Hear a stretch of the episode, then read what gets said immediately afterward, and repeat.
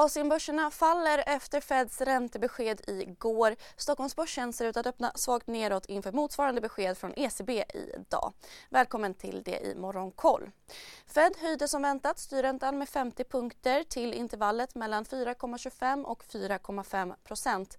Samtidigt drogs ränteprognosen upp och nu väntas räntan toppa på drygt 5% nästa år vilket är 50 punkter högre än tidigare prognos.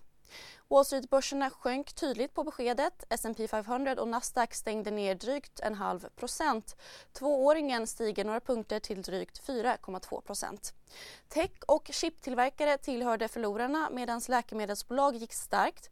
Även Delta Airlines lyfte 3% efter en höjd helårsprognos.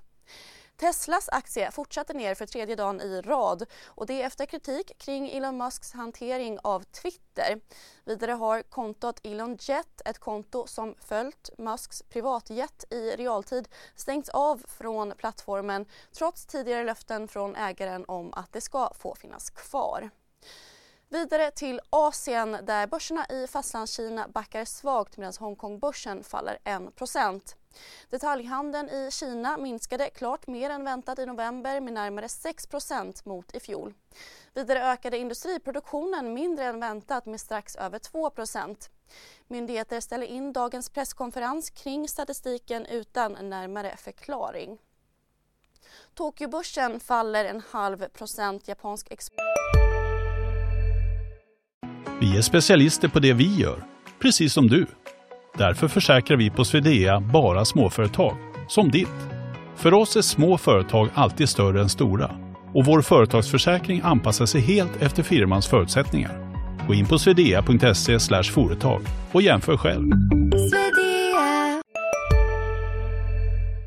Export ökade 20% i november mot i fjol medan importen steg 30 så Sverige. Rutger Arnhult lämnar nu som VD för Castellum.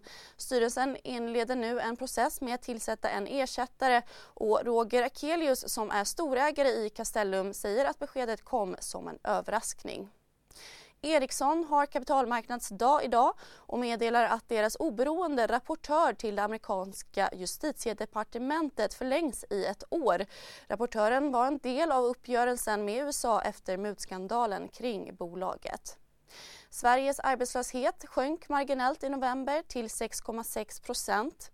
Samtidigt pekar flera siffror på att arbetslösheten nu är på väg upp Bland annat minskar antalet nya jobb och varsel om uppsägningar ökar tydligt, framförallt i tjänstesektorn.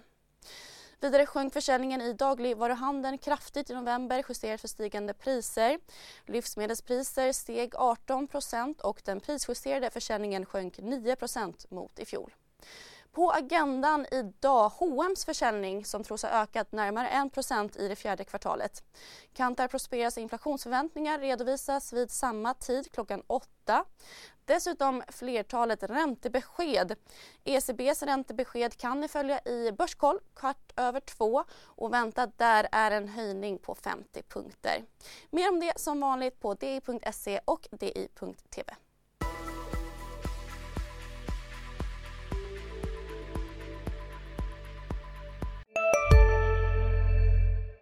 Där det finns ett samhälle, där finns det brott. Krimrummet är podden som tar brottsligheten på allvar. Jag bjuder in landets ledande experter och tar upp aktuella rättegångsfall för att begripliggöra den kriminalitet som kryper allt närmare. Du, alltså, du kan knäcka ett eller några gäng, men det kommer komma nya och så kan vi knäcka dem sen. Men att du ska knäcka allt forever, det kommer aldrig ske. Det är infinite gain. Lyssna på Krimrummet, en podd från Expressen med mig Kim Malmgren. Hej, Synoptik här. Hos oss får du hjälp med att ta hand om din ögonhälsa. Med vår synundersökning kan vi upptäcka både synförändringar och tecken på vanliga ögonsjukdomar. Boka tid på synoptik.se.